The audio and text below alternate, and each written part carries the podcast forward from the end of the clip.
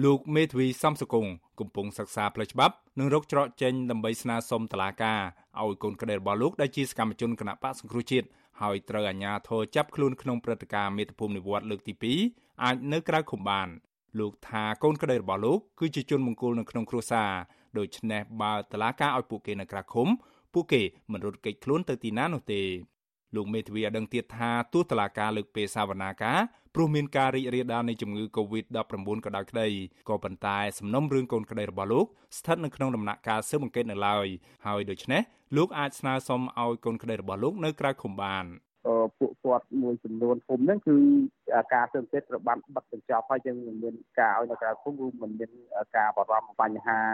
ត្រូវត្រូវគ្នាជាមួយជនចាប់ចាប់អត់ទេឬមិនធ្វើឲ្យប៉ះពាល់ការស៊ើបអង្កេតទេអញ្ចឹងយើងត្រូវគិតពីសេរីភាពជនជាប់ចោតឬជនត្រូវចោតហ្នឹងជាងយើងយកគាត់ទៅឃុំដើម្បីរងចាំតែសាវនាការ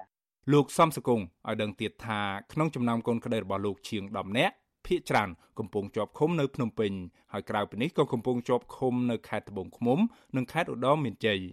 អ្នកទាំងនោះជាប់ចោតពីបទញុះញង់និងបទរួមគំនិតក្បត់លោកក្រុងស្នើសុំទៅតុលាការនៅសប្តាហ៍ក្រោយដើម្បីឲ្យកូនក្តីរបស់លោកអាចព្យាបាលជំងឺនិងរកស៊ីចិញ្ចឹមគ្រួសារ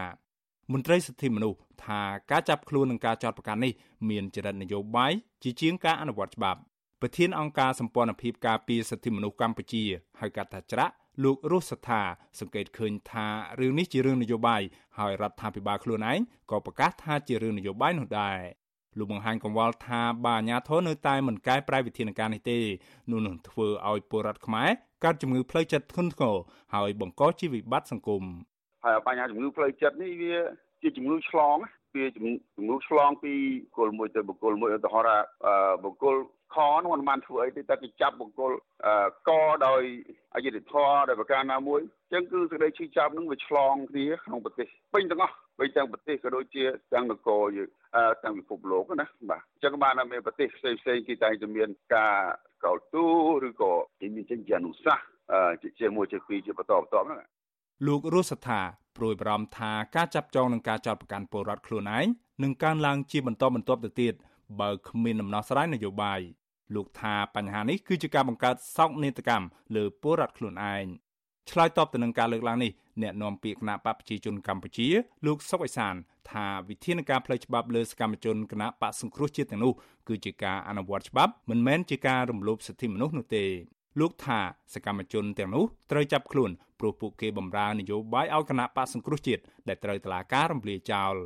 ឥឡូវបញ្ជាក់ថែមណែអតីតបពប្រឆាំងត្រូវរំលាយចោលដោយតឡាការកំពូលអញ្ចឹងអតីតបពប្រឆាំងជាក្រុមខុសច្បាប់ដែលហៅថាអូទៀមក្រៅច្បាប់អញ្ចឹងទេអ្នកដែលគ្រប់គ្រងនឹងធ្វើសកម្មភាពបំរើឲ្យបាយកលរបស់ក្រុមអូទៀមក្រៅច្បាប់សុទ្ធតែអ្នកខុសច្បាប់ហើយអត់មាននិយាយអ្នកក្នុងប្រទេសឬក្រៅប្រទេសទេសុទ្ធតែអ្នកខុសច្បាប់អាញាធរនៃរបបលោកហ៊ុនសែន បានចាប់ខ្លួនសកម្មជនគណបកសង្គ្រោះជាតិយ៉ាងហោចណាស់11នាក់កាលពីចុងខែធ្នូឆ្នាំទៅ ស្របពេលដែលថ្នាក់ដឹកនាំគណបកសង្គ្រោះជាតិដឹកនាំដោយអ្នកស្រីមូសុហួរគ្រងវិលត្រឡប់ចូលស្រុកវិញកាលពីថ្ងៃទី4ខែមករាបើគិតរួមទាំងការចាប់ខ្លួនតាំងពីចុងឆ្នាំ2019រហូតមកយ៉ាងហោចណាស់សកម្មជនគណបកប្រឆាំងជាង70នាក់ហើយត្រូវអាជ្ញាធរចាប់ខ្លួនដោយចាប់ប្រកាន់អ្នកទាំងនោះពីបទញុះញង់និងរួមគំនិតក្បត់